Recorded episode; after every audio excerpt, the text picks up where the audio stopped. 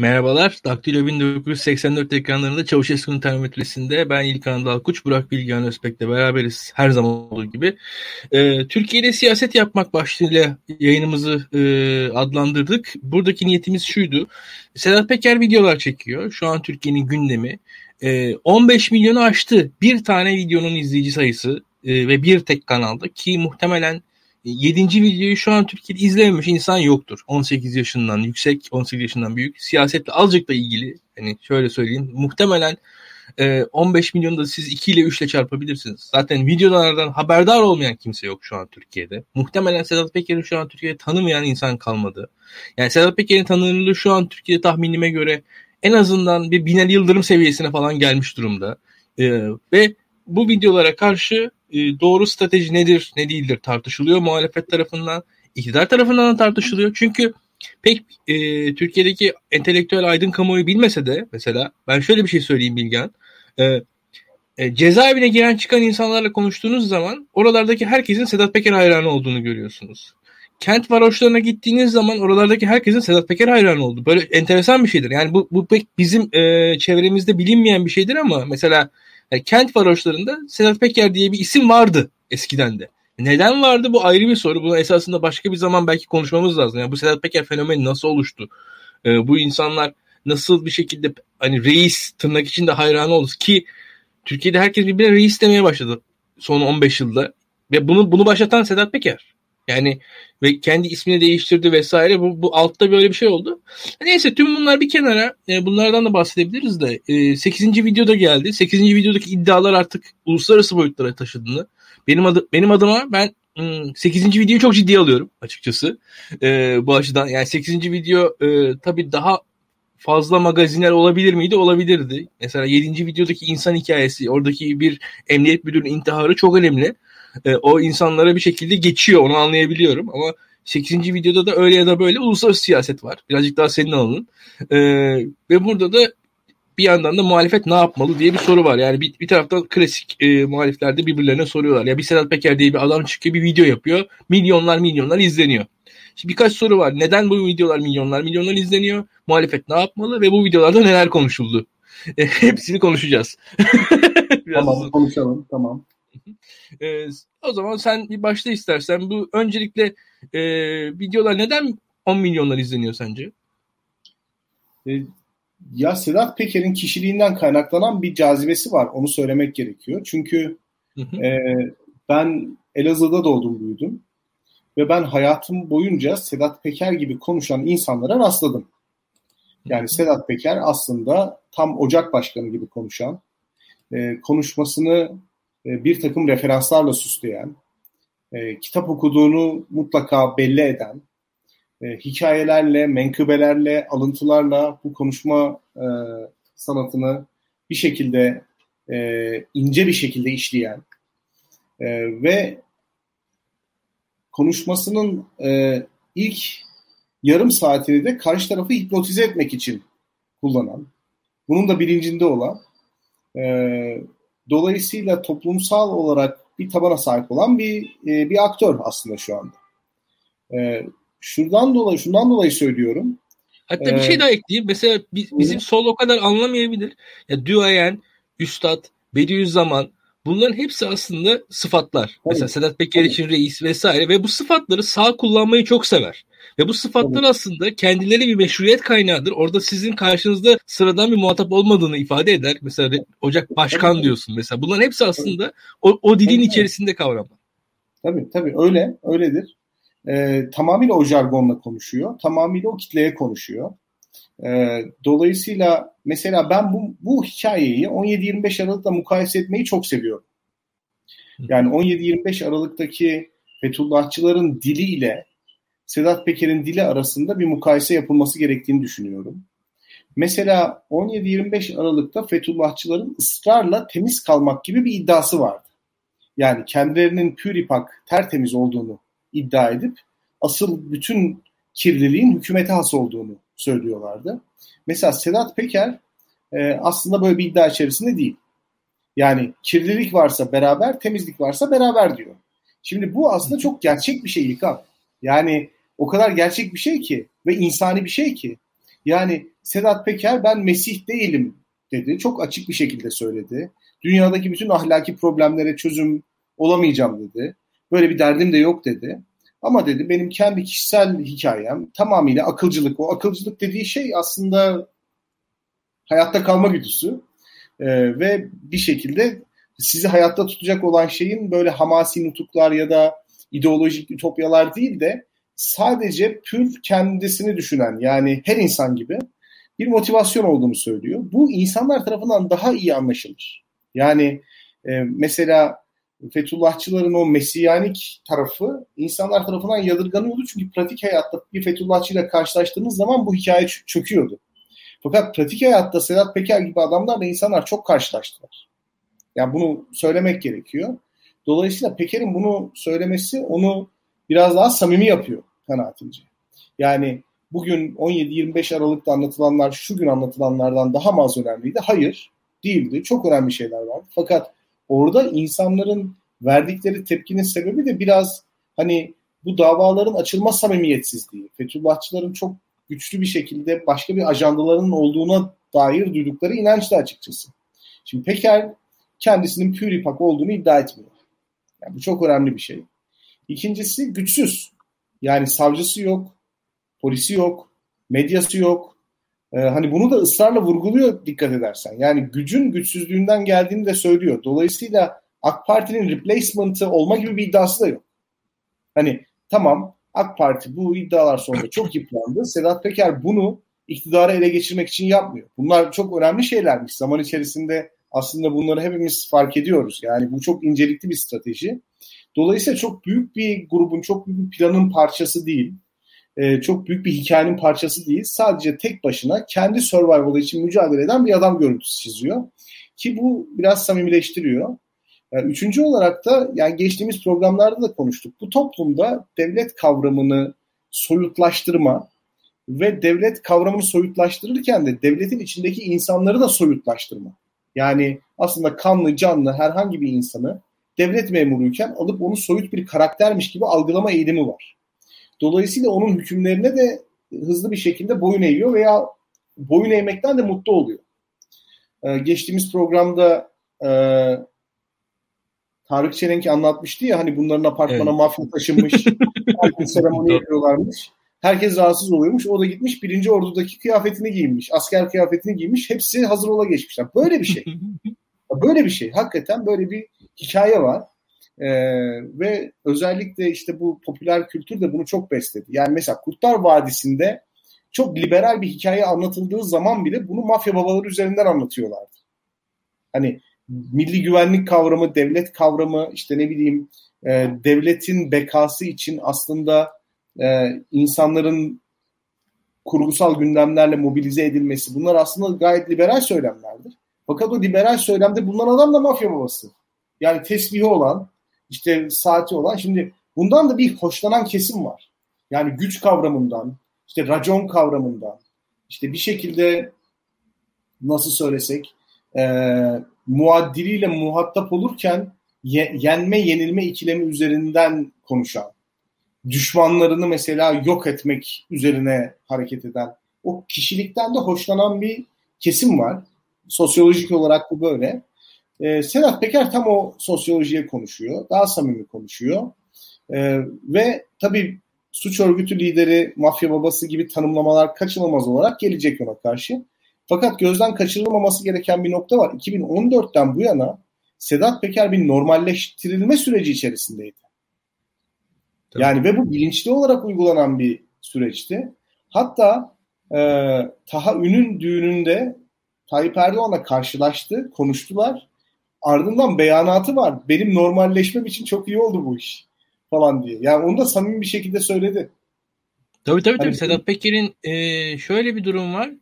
Yani Sedat Peker'in e, iktidar medyasında bu kadar insana ilişki kurması yani bu insanları sevdiğinden atıyorum muhabbetlerinin çok iyi olduğundan bu insanlarla gerçek bir dostluk içerisinde olduğundan falan değildi. Yani hatta şöyle söyleyeyim muhtemelen Sedat Peker'in e, hayatındaki en yardımsever dönemdir. Yani biz burada Tabii. yani oradaki o Suriye meselesindeki yardımlarını biliyoruz. Onun dışında da yardımları var. Vardır yani ve hatta Vardır. hani bu konularda dalga geçilir de mesela Sedat Peker türbelere falan yardım etmiş midir? Etmiştir. Ben söyleyeyim şu anda. Yani e, onlar yalan değil. Onlar gerçek yani açıkçası. Ama e, bu, bunun hepsi bir stratejinin parçası zaten. Yani Sedat Peker atıyorum bir, herhangi bir caminin imamı Sedat Peker'den halılarımızı değiştirmemiz gerek dediği anda dediği olur. Evet. Bak yani o, ya bu yani son 6 yılda olmuştur kesinlikle hani muhtemelen yüzlerce defada olmuştur. Tabii. Yani Tabii. E, bu tarz şeyler e, Sedat Peker'in tam zaten yapmak istediği şey ki hmm, yani ben kendi adıma bir de e, geçmişe dönük gittim haberleri ben de taradım. Instagramlarına dolaştım tüm ailesinin falan nedir ne değildir diye. Bakıyorsunuz Hı. işte e, STK faaliyetleri, yardımlar, geceler oradan videolar konulmuş ve e, yani görsellikle beraber oradaki o görüntüyle o fotoğrafla beraber yaşıyorlar ve oradaki meşruiyet kaygıları çok yüksek seviyede. Tabii. Çok yüksek seviyede yani. Yani siyaseti bu ülkede sadece siyasetçiler yapmıyor bu ülkede. Herkes siyaset yapıyor neticede. Hı hı. Ee, bir de bir şey hatırlatmak lazım. 2014'te galiba içeriden çıktı Sedat Peker. Çözüm Doğru. sürecinin e, devam ettiği günlerde. Ve e, hükümetin en büyük korkusu aslında çözüm sürecinden dolayı milliyetçi seçmenin kendisini terk edeceğiydi. Bu yüzden biz çözüm sürecinde ne oluyor ne bitiyor hiç bilemedik yani. Hani ne konuşuluyor. Yani tam bir murayilik öyle söyleyeyim. Tam bir iki yüzlülük içerisinde devam etti. E, hatta Dolmabahçe mütabakatını çözebilmek için, somutlaştırabilmek için hakikaten iyi bir e, terminoloji bilgisine sahip olmak lazım.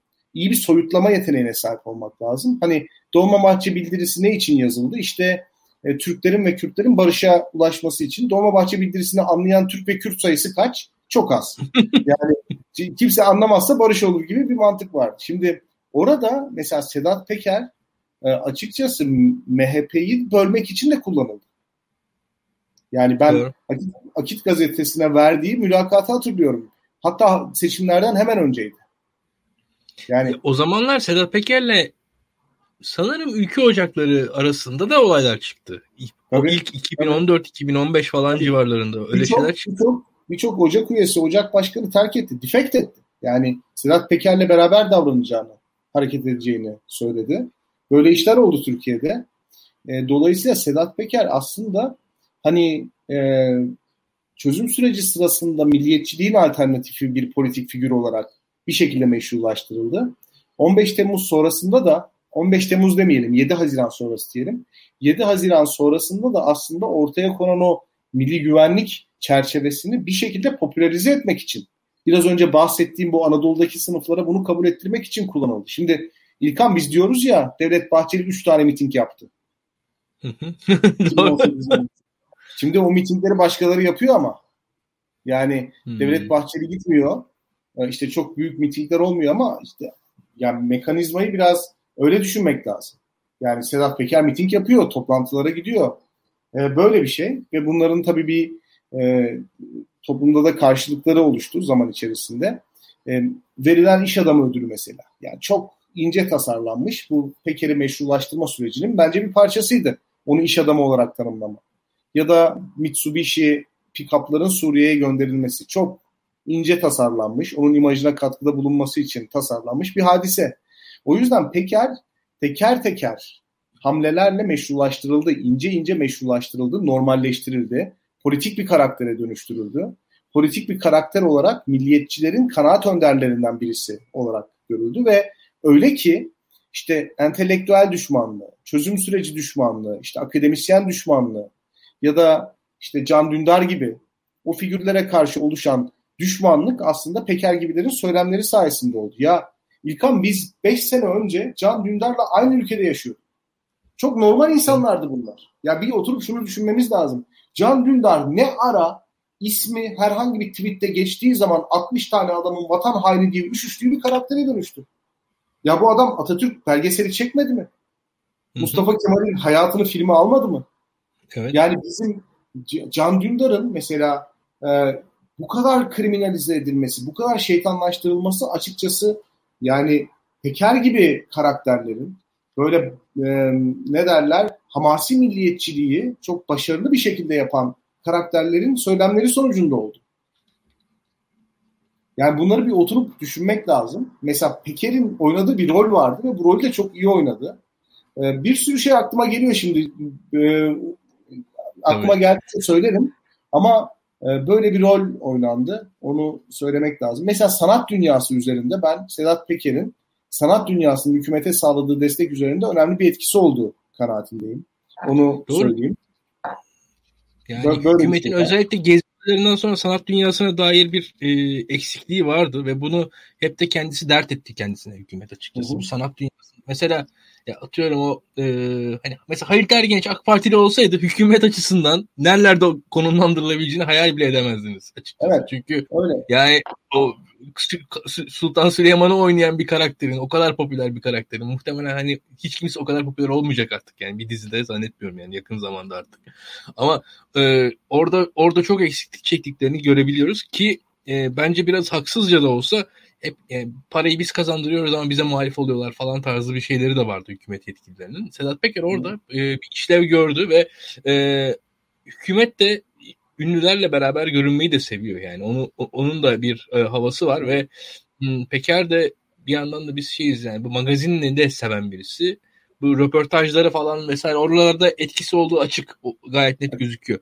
Şimdi e, bu Peker'in videoları giderek e, daha yoğunlaşıyor, daha yaygınlaşıyor.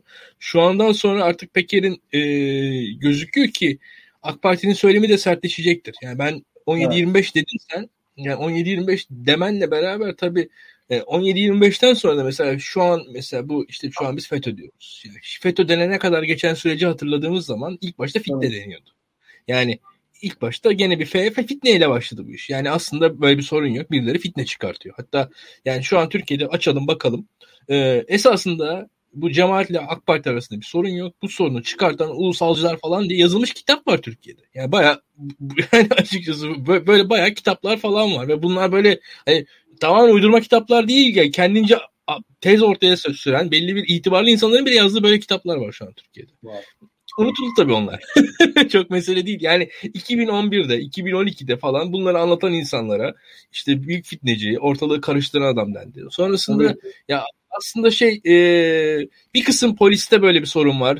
Kalanı iyi dendi. Onun arkasından ya işte Fethullah Gülen aslında şeyde ona bilgi verenlerde bir sıkıntı var dendi. Onun arkasından ama olay en sonunda geldi. E, Bankasya'da hesabı olanlara kadar geldi. Yani mesela baktığınız zaman tek tek e, iş öyle öyle ilerledi ilerledi ilerledi. Hatta bir yerden sonra fazla ilerlemeye de başladı. Yani işin boyutu çok değişti. Şimdi e, şu anda da ben özellikle mesela bu Fatih Tezcan'ın e, videolarındaki anlatıyı o yüzden ilgiyle izliyorum. Ki Fatih Tezcan mesela e, bu Fethullahçılara karşı ilk aktif açıktan tavır alan e, iktidarın medya figürüydü e, bunlara. Ve o zaman da şu anda tam tersine ya, acaba Peker'le aramızdaki sorunu ortaya çıkartan ne gibisinden bir şekilde o, o sorunun çıkış anına odaklanan ya Peker de aslında tamam Atatürkçü o tarafı kötü ama vatanını milletini seven bir adam. E, bu adamla bizim derdimiz olmamalı. O derdin olmasının kaynağı nedir falan diye onu sorgulamanın peşine düşen e, ilk anlatılar ondan öyle çıktı. E, Birçok AK Partili'de de öyle bir ona yakın anlatı vardı aslında. Yani e, dediğin ya bunları reis organize ediyor tırnak içinde anlatısı da biraz böyle bir anlatı. Onun dışında aslında e, ya düşünelim ya Murat Yetkin bile mıntıka temizliği falan yorumunu yaptı. Yani hani buradaki bu tarz yorumların hepsi AK Partilerde de var bunun karşılığı. Yani ona da onu söyleyen insanlar var. O, bu, buna inanan e, bu şu an videolar başladı neredeyse iki ay oluyor. Yani bu videoların peşinden e, yani bir ikinci aya girdik daha doğrusu. Yani bu videoların peşinden e, ya bu bu işler aslında bir organize. Ya bu işler tiyatro diyelim. Türkçe tabiriyle çok seviliyor bu tabir. Ama e, adım adım e, önce Süleyman Soylu'nun açıklamaları geldi. Hala ya Tayyip Erdoğan'ın planı. Sonra Tayyip e, Devlet Bahçeli ve Tayyip Erdoğan açıklamaları geldi. Öyle böyle artık yani bu iş bir yerden sonra ne olursa olsun büyüyecek gibi geliyor. Yani daha da sert tavırlar alınacak. Yani burada ben hatta e, şey yorumunu yaptım. Yani sonuçta bu iktidarın da kendi tecrübesi 17-25. Yani Sedat Peker'i de e, Fethullahçılarla bağlantılı. Zaten yurt dışında. Arap Emirliği, e, Birleşik Arap Emirliği zaten hani mimli bir ülke Türkiye açısından bu şekilde. Şimdi bu bunlar üst üste konacak ve Peker e, vatan haini yapılmaya çalışılacak diye düşünüyorum. Sen ne düşünüyorsun? Kolay değil. Yani şu, şundan dolayı kolay değil. Ee, birincisi işte biraz önce bahsettiğim gibi yani Peker'in e, böyle bir grup adına hareket etmediği aslında açık. Yani Fethullahçılar Fethullahçılardı. Yani devletteki ağırlıkları ortadaydı, bürokrasideki ağırlıkları ortadaydı, medyadaki ağırlıkları ortadaydı ve dolayısıyla onların ciddi bir gücü vardı. AK Parti'nin devrilmesi ya da AK Parti'nin yıpranmasının ötesinde devletin Fethullahçılara geçme gibi bir ihtimali olduğu için aslında hükümet çok rahat etti. Orada bir söylem geliştirebildi. Yani şu anda mesela geliştirebileceği söylem nedir? Hani Sedat Peker'in e, Sedat Peker'in söylemleri sonunda biz yıpranırsak ne diyecek? Yani Sedat Peker mi devlet ele geçirecek? Doğru. O zaman şeydi yani biz de hani hatta ben de dediğimi biliyorum. Yani neticede bu hükümeti ben oylarımla devirebilirim. Hı hı. Fethullah Gülen'i oylarımla deviremem. Yani burada öyle, öyle. öyle bir şey vardı o zamanlarda. 2013'te biz bunu konuşuyorduk.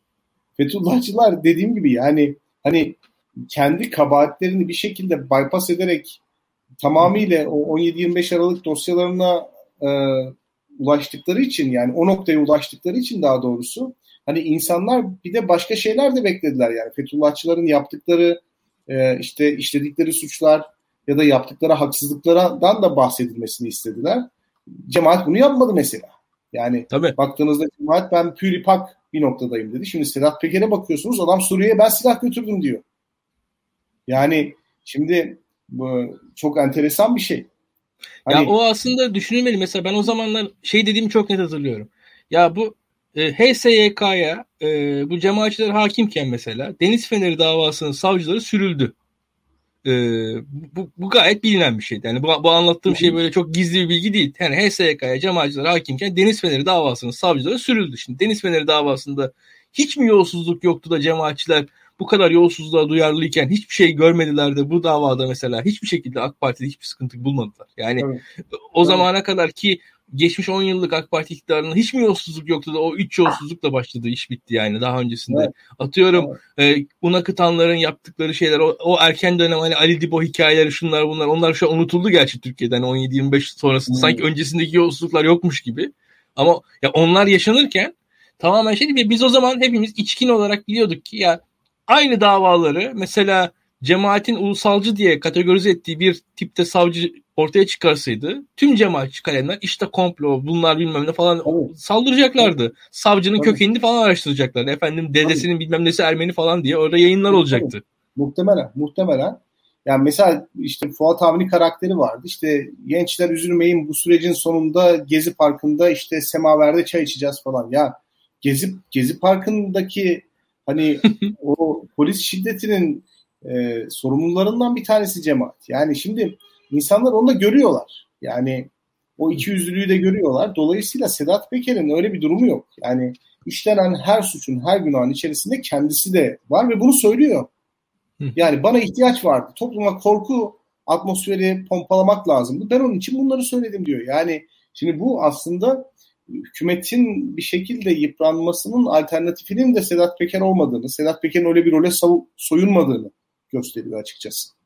Ve e, şunu da söylemek lazım. Yani son 5-6 sene içerisinde bu Amerika'nın ya da dış güçlerin Türkiye'nin bekasına hedef aldığı söylemlerine karşı zaten Sedat Peker cepheye gelmiş bir adam. Yani cephede olan bir adam. Dolayısıyla reputasyonu da hükümet tarafından inşa edilmiş. Şu anda o hikayelerin pek tutacağı kanaatinde değilim. Kaldı ki İlkan o hikayelere sığınılacağının da bir garantisi yok. Yani ben mesela şimdi Mısır'la barışmaya çalışan bir hükümet var. İşte Katar'ın e, Suudi Arabistan'la Mısır'da ilişkileri yavaş yavaş düzelmeye başlıyor. İşte Birleşik Arap Emirlikleri ile Suudi Arabistan'la daha yakınlaşmaya çalışan bir hükümet var. Yani bunu yapmasını kınamıyorum. Yapması da lazım çünkü hani Biden sonrası Orta Doğu politikasında bu tip yakınlaşmalara ihtiyaç olacak. Ee, şimdi öyle bir ortamda Sedat Peker'i neyle suçlayacaksınız? Birleşik Arap Emirlikleri'nin ajan olmakla mı suçlayacaksınız? Yani Birleşik Arap Emirlikleri ile Suudi Arabistan'la ve Mısır'la aranızı tekrar mı bozacaksınız? Yani böyle böyle bir şeyi göze alabiliyor mu acaba hükümet? E bunu da geçtim.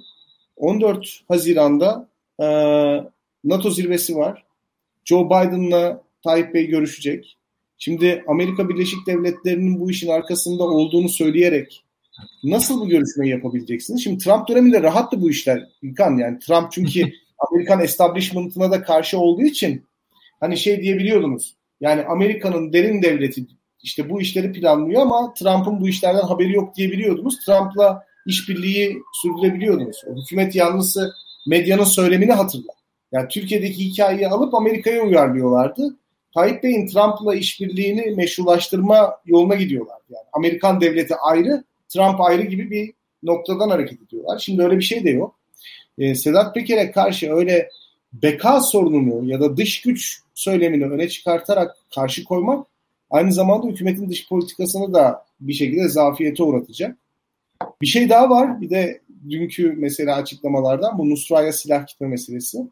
Ya bu Türkiye'nin Astana sürecinde e, Rusya'ya verdiği taahhütleri tamamen ihlal ettiğini gösteriyor.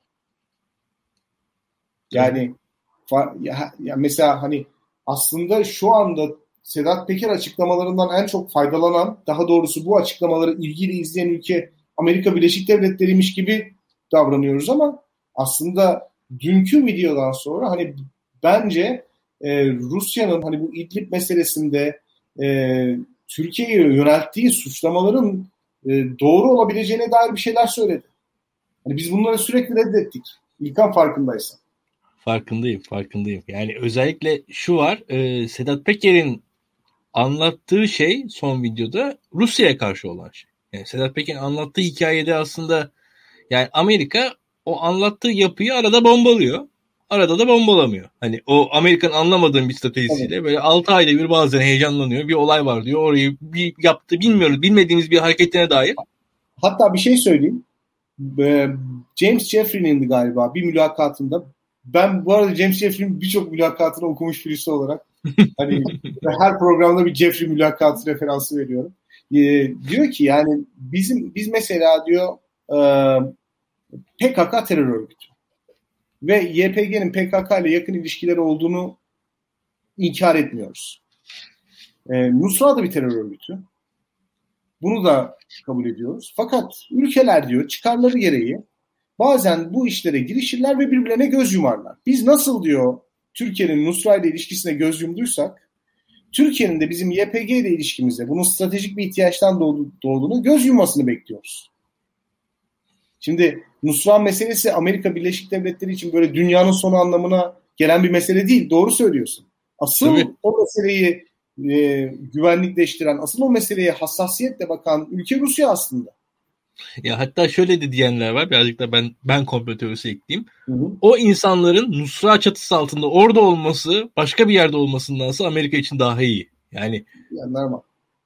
Var. Yani bir de o tarafı da var. O iş. Öyle diyenler de var. Bu, bu, bu daha komplo tarafı ama bunu da söylemek lazım yani birazcık e, bizi izleyen muhtemelen biraz daha Amerika eleştiren insanlar vardır.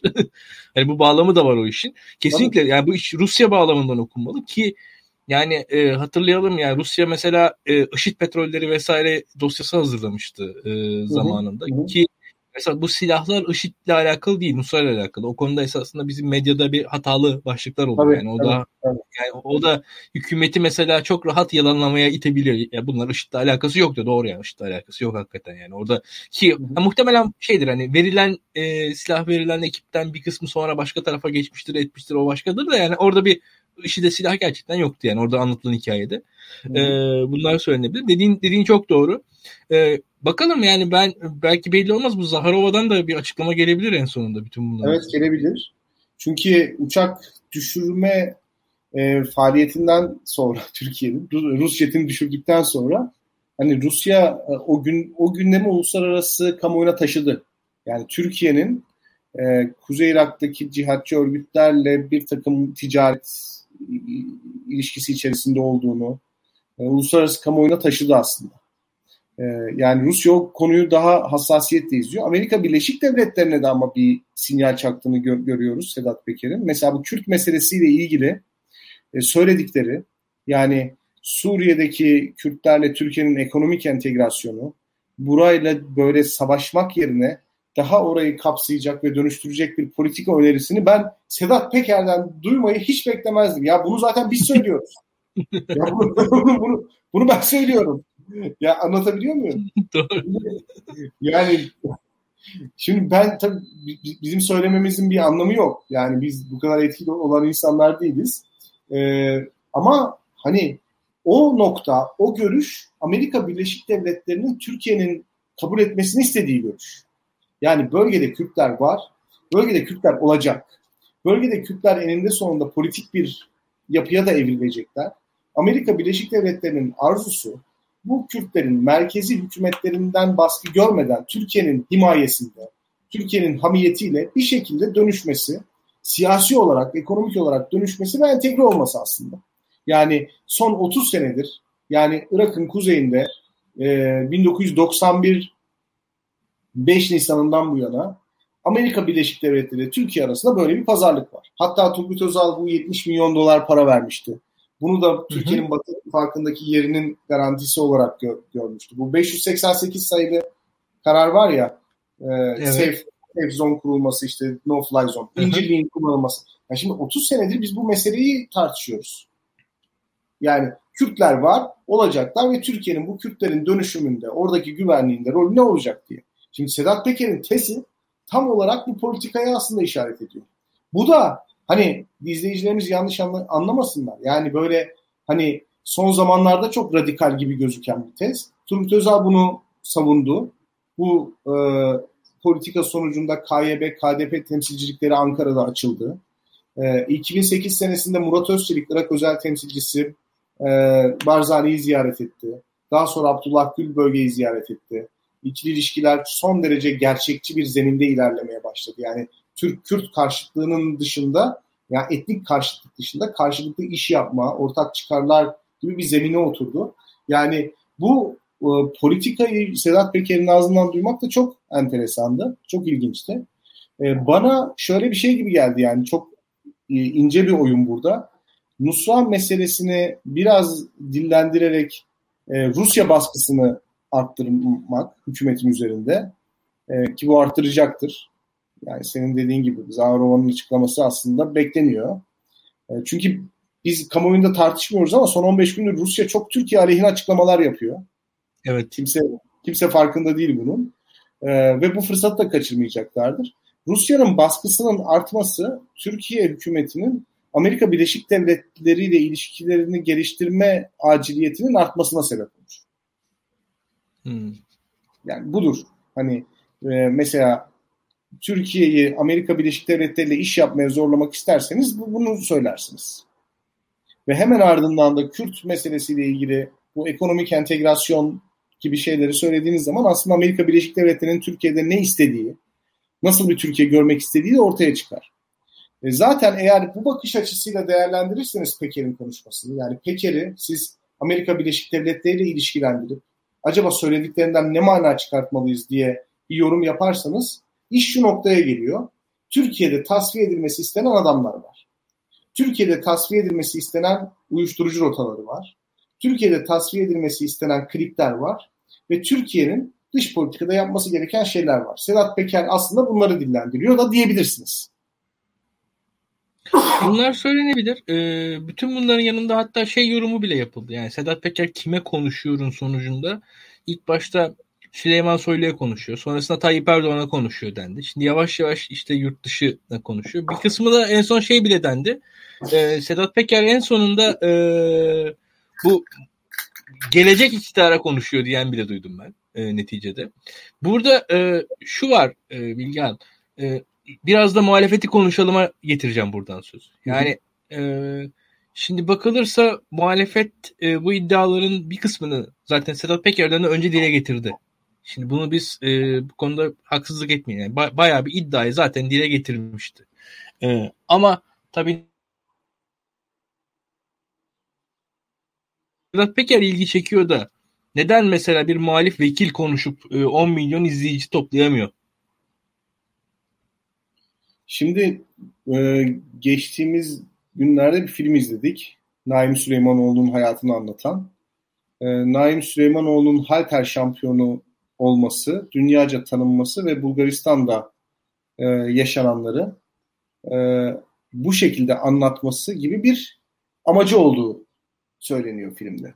Şimdi çok önemli bir şey. Çünkü Bulgaristan'da yaşanan insan hakları krizlerini Avrupalı birçok entelektüel senelerce yazdı. Dergiler bununla ilgili haberler yaptılar. İşte akademisyenler bununla ilgili çalışmalar yaptılar. Bunların hepsi bilinen şeyler. Fakat Bulgaristan'da doğmuş, büyümüş, Bulgar milli takımıyla maçlara çıkmış. Daha sonra Bulgaristan'dan kaçarak olimpiyat şampiyonu olmuş birisinin bunu gündeme getirmesi daha farklı bir şeydir. Yani, yani Bulgar sistemin içerisinde yer almış. Evet, evet, evet, evet. Daha farklı bir şeydir. Şimdi muhalefetin söylediği şeyler bu kadar şok etkisi yapmaz. Yapmaz. Bir kere yani kutuplaşmış bir ülkede iktidara geçmez. Yani iktidar seçmenine geçmez. Bunun iki sebebi var. Yani birincisi kutuplaşma. Ee, ikincisi de medya üzerinde zaten büyük bir perdeleme olduğu için hükümet bir video çekecek. Bu video 15 milyon kişi tarafından izlenecek. Ya bu arada 15 milyon izlenme var ama bence izleyen insan sayısı bundan daha fazla. Biz mesela en az iki kişi izliyoruz bir videoyu. Geçtiğimiz hafta dört kişi izledik. Yani buna şöyle diyelim. 20 milyon kişi tarafından izlenen bir YouTube videosu çekemez. Yani Kemal Kılıçdaroğlu da çekemez, Meral Akşener de çekemez. Babacan da yani Babacan'ın 140 Cünnos belgeseli 4 milyon izlenmiş diye Babacan çok mutlu mesela. Bugün tweet atmıştı galiba. Ya Sedat Peker kamerayı karşısına koyup konuşuyor ve 15 milyon izleniyor. Anlatabiliyor muyum? Şimdi Tabii. Sedat Peker'in konuşmalarının muhatabı doğrudan iktidar partisinin tabanı olduğu için bu kadar ses getiriyor. Yani bizim duyduğumuz ses aslında iktidar partisi içerisinde olan bitenin sesi. Yoksa muhalifler zaten muhalifiz biz. Ya zaten söylüyoruz.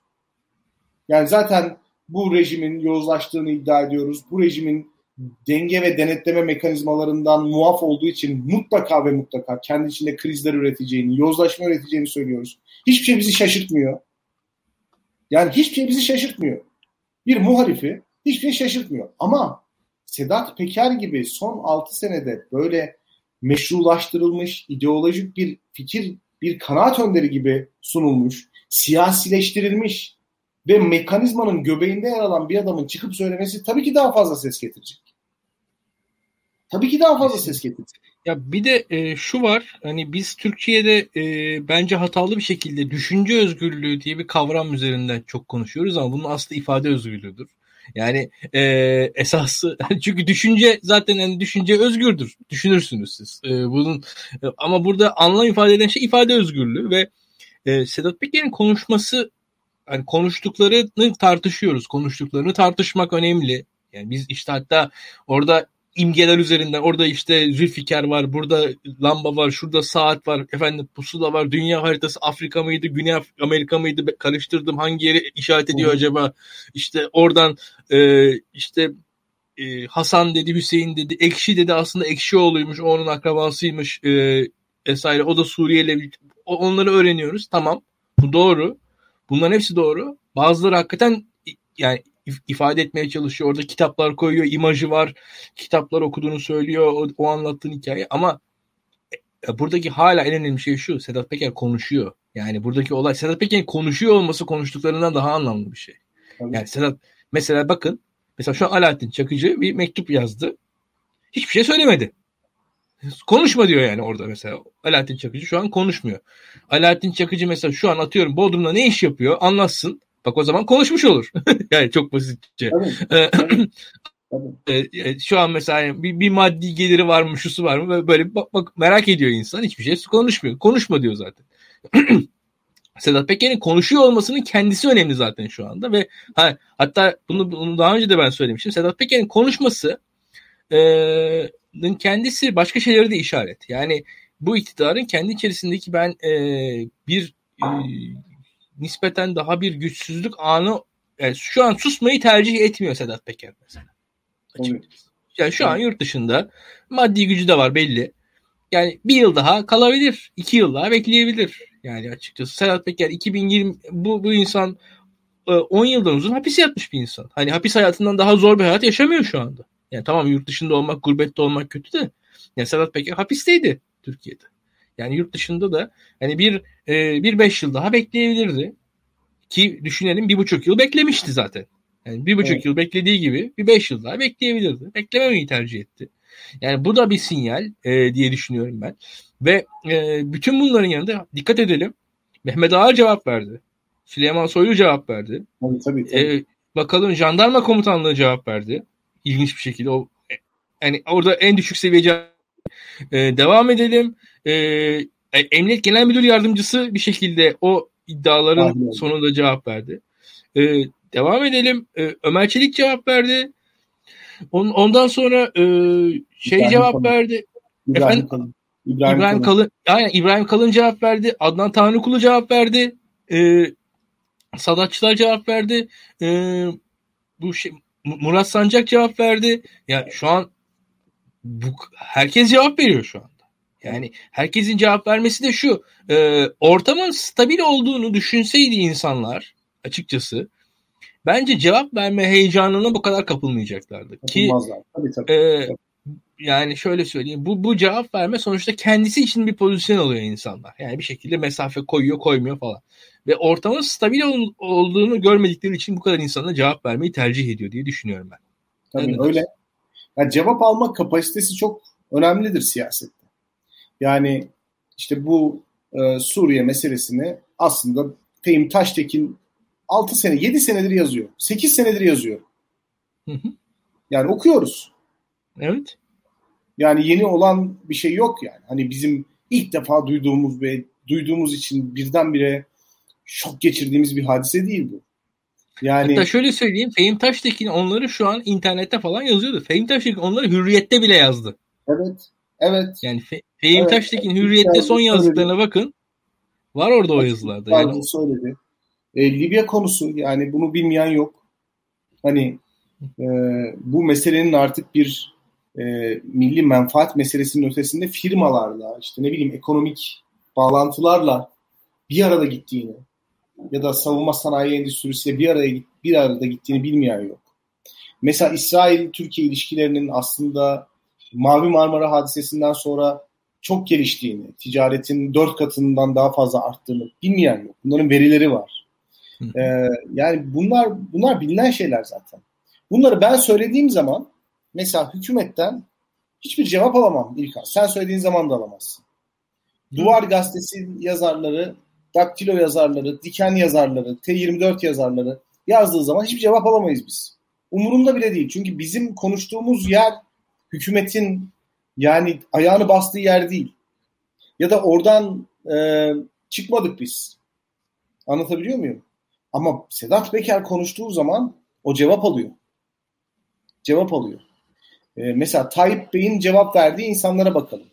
Siyasetçilere bakalım. Tayyip Bey'den cevap almak, onun karşısına doğrudan konumlanmak, onunla polemiğe girmek o kadar kıymetli bir şey ki aslında. Yani evet. bunu başaran, bunu başaran insan ana muhalefet lideri oluyor. Belki bir sonraki cumhurbaşkanı oluyor. Olacak. Yani dolayısıyla insanlar aslında e, muhatap alınmak, cevap almak için siyaset. Onun için konuşuyorlar. Yani e, birkaç tane Twitter'dan farklı olarak fav veya retweet almak için konuşmuyor kimse. Yani insanların daha gerçek hayatları var. Anlatabiliyor muyum? Şimdi Twitter'a ben şimdi çıkıp yazayım işte Sedat Peker'in bilmem e, 15 dakikada yaptığını Kemal Kılıçdaroğlu 15 yılda yapamadı. Yani sana söyleyeyim 1200 favı var. var. Kendimi iyi hissediyorum. Böyle kendim bu muhteşem suratımı birçok insan görüyor. Böyle tamam mı? Çok da tutkulu muhalif gözüküyorum böyle. Allah kahretsin nefret ediyorum bu hükümetten ve muhalefet beceriksiz. Keşke daha iyi insanlar olsa falan diyorum. Kim olsun mesela ben olmalıyım. Mesela ben muhalif lider olmalıyım falan. Böyle bir şey. Ama mesele o değil ki. Mesele cevap alabilme meselesi. Yani sen istediğin kadar bunları söyle bir muhalif lider olarak. istediğin iddiaları dile getir. Hükümet buna cevap vermediği sürece un ufak olup gidiyor. Şu anda Sedat Peker'in aslında niçin konuşulduğu e, sorusunun cevabı cevap alabiliyor. Doğru söylüyorsun. Yani o bir saat 15 dakikalık videoları aslında Tabii. bir o video öncesindeki o 5 yıl yani iktidar yanında Sedat Peker'in geçirdiği videolardan sonrasıyla anlamlı. Yani Sedat Peker'in videolarını anlamlı kılan şey o videolarda anlattığı o 75 dakikada bir saatteki o, o sürede söylediklerinden çok o sürenin öncesinde olan ve o sürenin sonrasında olan şeyler. Yani e, birazcık hani metni doğru okumak lazım. Yoksa o videoların Tabii. metni falan hikaye yani efendim bazı şey diyor çok teatral, çok güzel gösteri. Tamam e, doğrudur yani o Ocak Başkanı falan da e, ya biz de güzel örnekler verebiliriz isterseniz. Yani hani biz yani İmam-ı Azam'dan örnek vermeyiz. İşte Edebal'den örnek veririz. Olmadı başkasından örnek buluruz. Yunus Emre'den bir hikaye anlatırız. Bir Köroğlu falan bir şeyler hani biz de e, kıssalar falan bulabiliriz. Mevlana'dan falan birkaç şey ekleyebiliriz söylemlerimize ama mesele bu değil. Buradaki olay tepki alabilmesi ve aldığı tepkiler e, videoları tekrar tekrar değerlendiriyor, değerli kılıyor ve ve şöyle bir durum var. Şimdi Sedat Peker konuşuyor ve konuşturuyor. Şimdi karşı taraf konuşunca e, şöyle bir gerçek çıkıyor Bilgehan. Yani belli bir süre konuştuğun zaman gerçekle temas ediyorsun illaki. Evet. Yani dikkat edelim e, Süleyman Soylu'nun yayınına. İlk başta birçok kişi hiçbir şey söylemedi dedi. Fakat ondan sonra ortaya çıktık ya bayağı bir şey söylemiş aslında. Biz, biz ilk, ilk programlardan itibaren yani ilk konuşmasına itibaren buradaki gizli özneler var. Bu gizli öznelere dikkat edin demiştik. Evet. Ee, söylemiştik. Yani inşallah kayıtlarda vardır. Arkadaşlar gidip baksınlar. Süleyman Soylu'nun ismi ilk iki programda hiç geçmedi. Ancak geçecek demiştik bunu. Çünkü bir şey söylüyor adam. Yani e, bu bunu nasıl söylüyor? Yani Türk sağının işte e, anlaşma biçimi bu. Ve bir de şu var yani mesela Süleyman Soylu da Habertürk yayınında ilk anda gözükenden çok daha fazla şey söylemiş durumda. Öyle de tabii yani, ki. Tabii ve ki. orada yani e, bunun nedense mesela çok daha fazla üzerinde durulması gerekiyor. Ya Süleyman Soylu o yayında ya ben e, Mehmet Ağar'ın DYP'de siyaset yapmasına karşı çıktım. Ünal Arkan gibi güvenlik bürokrasisinin merkez sağ siyasete taşınması bu sağ siyasetin yapısına, özüne, köküne aykırı. Bizim geleneğimize aykırı. Ben buna hep karşıyım dedi. Ya orada zaten hani bunu bunu hakikaten eleştirmem lazım. Ya ben olsam ya Hulusi Akar peki ne iş yapıyor diye bir soru sorulması gerekiyordu orada açıkçası. Evet. Ee, tamamen e, bu merkez sağ siyasetin millet e, yeter söz milletin de hikayesi. E, Hulusi Akar neden şu an savunma bakanı? Ya bunun bana birisinin açıklamasını yapması gerekiyor. En azından Süleyman Soylu'nun bu sözleri üzerine.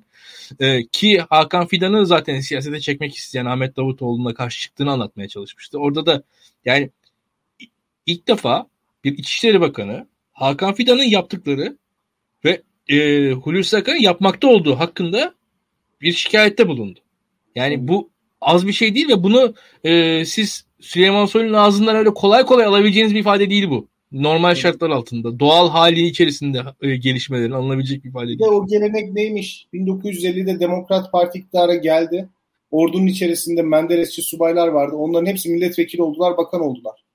Ya işte o bir anlatı. Yani, yani tabii ki öyle ki yani, e, yani sonuçta yani Ragıp Gümüşbalay'ı da biliyoruz vesaire. Orada çok daha fazla evet. insanlar var ki e, esasında tek tek bakarsak e, generalleri milletvekili yapma hikayesinde sağ daha da öndedir e, soldan. Tabii. Bayağı öndedir hatta. Tabii. Ki Tabii.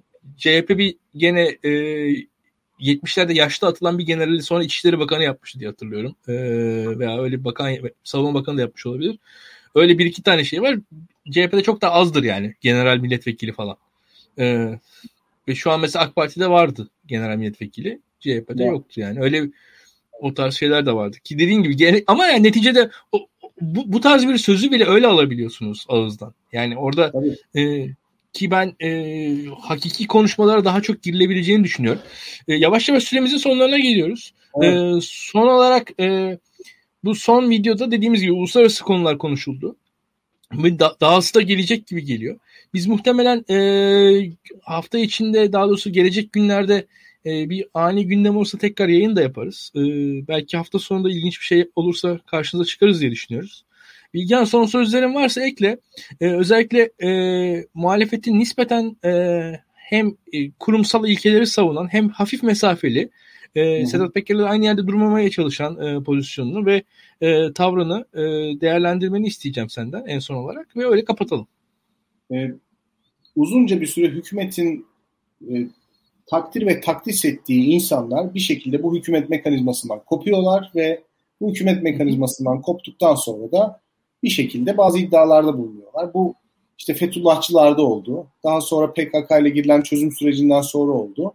Şimdi de Sedat Peker hadisesinde oluyor. Yani bu hükümetin aslında gayri kanuni yollarla otoriterliğini inşa etme projesinin aktörleri bunlar. Çok hevesliler. E, bunlar şeffaf aktörler değil, siyasi partiler değil. Yani bunlar aslında suç örgütleri. Yani hükümetle ilişkiye girdikleri zaman da böyleler, ilişkiden çıktıkları zaman da böyleler. Burada hükümetin hesap vermesi gereken konu niçin herhangi bir aktör hükümeti eleştirdiği zaman suç örgütü halini alıyor da onu desteklediği zaman makbul bir aktör olarak gözüküyor. O yüzden muhalefet partilerine ben siyaset yapma önerisinde bulunmak istemem yani. Meta siyaset konuşmalılar. Yani siyaset yapmanın üslubu üzerine konuşmak bence şu anda Türkiye'deki en önemli siyaset. Ee, yani Türkiye'nin Çin politikası üzerine konuşmamak lazım. Türkiye'nin dış politikadaki iki yüzlülüğü üzerine konuşmak lazım. İsrail-Filistin meselesi üzerine konuşmamak lazım. Bunu konuşurken nasıl aslında iki yüzlü davrandığı üzerine konuşmak lazım. Taksim Camisi mesela bence konuşulmaması gereken bir konu. Camiyi niçin siyasal bir amaçla yaptığı üzerine konuşmak gerekir. Yani cami lazım mı değil mi gibi şeyler. Bu Sedat Peker meselesi de bence öyle. Yani Sedat Peker'e yaklaşımını bu meselelerin hani hakikaten siyaset üzerine söylediği bir şeyler olduğunu e, muhalefet bence dile getirmeli. Ya benim gördüğüm kadarıyla muhalefetin de öyle sahip çıktığı falan yok İlkan. Hı hı. Yani bunu bir kampanyaya dönüştürmüyor kimse. Doğru, yani doğru. İktidarın kendi kendisine kurduğu bir şey. Muhalefet Sedat Peker'den medet mi umuyor? Ya yokmuş gibi mi davransın? Sen yokmuş gibi mi davranıyorsun muhalefet yokmuş gibi davransın? Yani sen bir şeyi yoktur dediğin için ona yani adam bir şey söylemiş sen buna yok diyorsun öyle bir şey yok diyorsun. Muhalefet de bu adamın söylediği doğrudur falan da demiyor. Araştırıl, araştırılsın falan diyor yani seninle ilgili bir iddia var ciddiye alıyorsun ki sen Doğru. Şu ana kadar tenezzül etmemişsin hiçbir muhalif gazeteciyle aynı yayına çıkmaya. Gittin İsmail Saymaz aynı yayına çıktın. Ya sence sen ciddiye almıyormuş gibi mi duruyorsun ki muhalefette buna kayıtsız kalsın? ya böyle bir şey. Kesinlikle katılıyorum. Yani e, başka zaman hani orada mesela Merdan Yanardağ vardı. Merdan Yanardağ'ın e, Merdan Yanardağ mesela hükümetin terörize etmeye çalıştığı gazeteciler sır- evet. sıralamasında olan evet. birisidir. Yani başka zaman yani mesela biz Merdan Yanardağ konuk alsak bize eleştiri falan gelir o ekipten. Ama İçişleri Bakanı çıkarttı. Çıkartmak durumunda kaldı. Kesinlikle öyle. Ee, bunun ayrıca belki başka bir yayında e, medyanın kullanımı açısından da konuşulması gerekir diye düşünüyorum. Bunlar daha e, derinleştirilebilir. Ee, muhalefetin ben de yapması gereken yap, yap, yaptığı şeyler arasında çok bir fark olduğunu düşünmüyorum. Çünkü neticede Sedat Peker e, güvenilir bir aktör değil muhalefet açısından da değil ve muhalefetle zaten orada kendisi demişti yani Kılıçdaroğlu benim dünyalarımız farklı. yani burada bir bir bağ olamaz. Yani orada bir ihtimal evet. kurulamıyor zaten. Zaten orada bir e, hani bir e, ruh dünyası, ruh birliği falan da kurulması imkansız. E, bütün bunların yanında e, dediğin şey hani bu konularda, bu konular bağlamında en azından e, tartışmanın kendisini ortaya koyması muhalefetin daha doğru olabilir. Yani iktidar neyi tartışıyor? Ne, buradaki mesele nedir? E, mantıklı olabilir diye düşünüyorum. Biz muhtemelen yavaş yavaş bu teorik konulara da geçeceğiz. Gelecek konularda belki daha da elimizi pisleteceğiz Olur. bu konularda. Daha, Bakalım. daha memnun olurum ben. yavaş yavaş daha onların içine gireriz. Ellerimizi pisletiriz. Ee, gelecek hafta tekrar görüşmek üzere diyelim. Bugünlük bu kadar diyelim. Görüşürüz. Teşekkürler.